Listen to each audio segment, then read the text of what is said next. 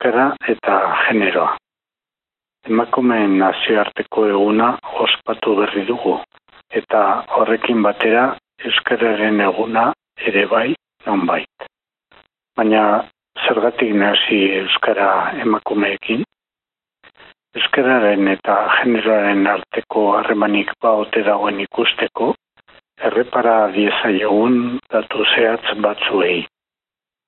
Arrue ikerlerroaren arabera, lehen eskuntzako umen artean, eskolako euskararen erabilera neskengan hiru puntu handiagoa da mutilengan baino.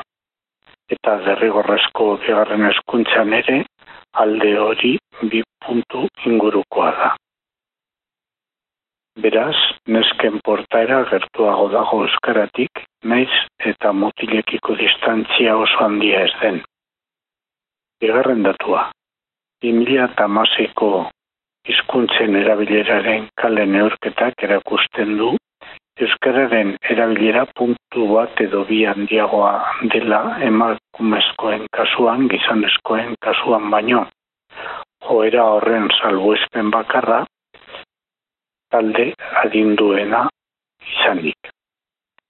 Hirugarren datu batek diozku mintza praktika nagusiki jarduera femeninoa dela izan ere, 2000 tamarrean egindako ikerlan baten arabera, ekimen horretan parte hartzen zuten emakumezkoak euneko irurogei ziren, eta gizonezkoak euneko berrogeia baino ez.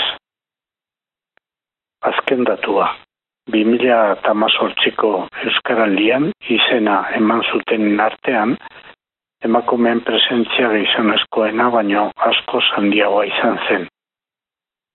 Alegia, euneko irurogeita marra eta euneko hogeita marra urrenez urren.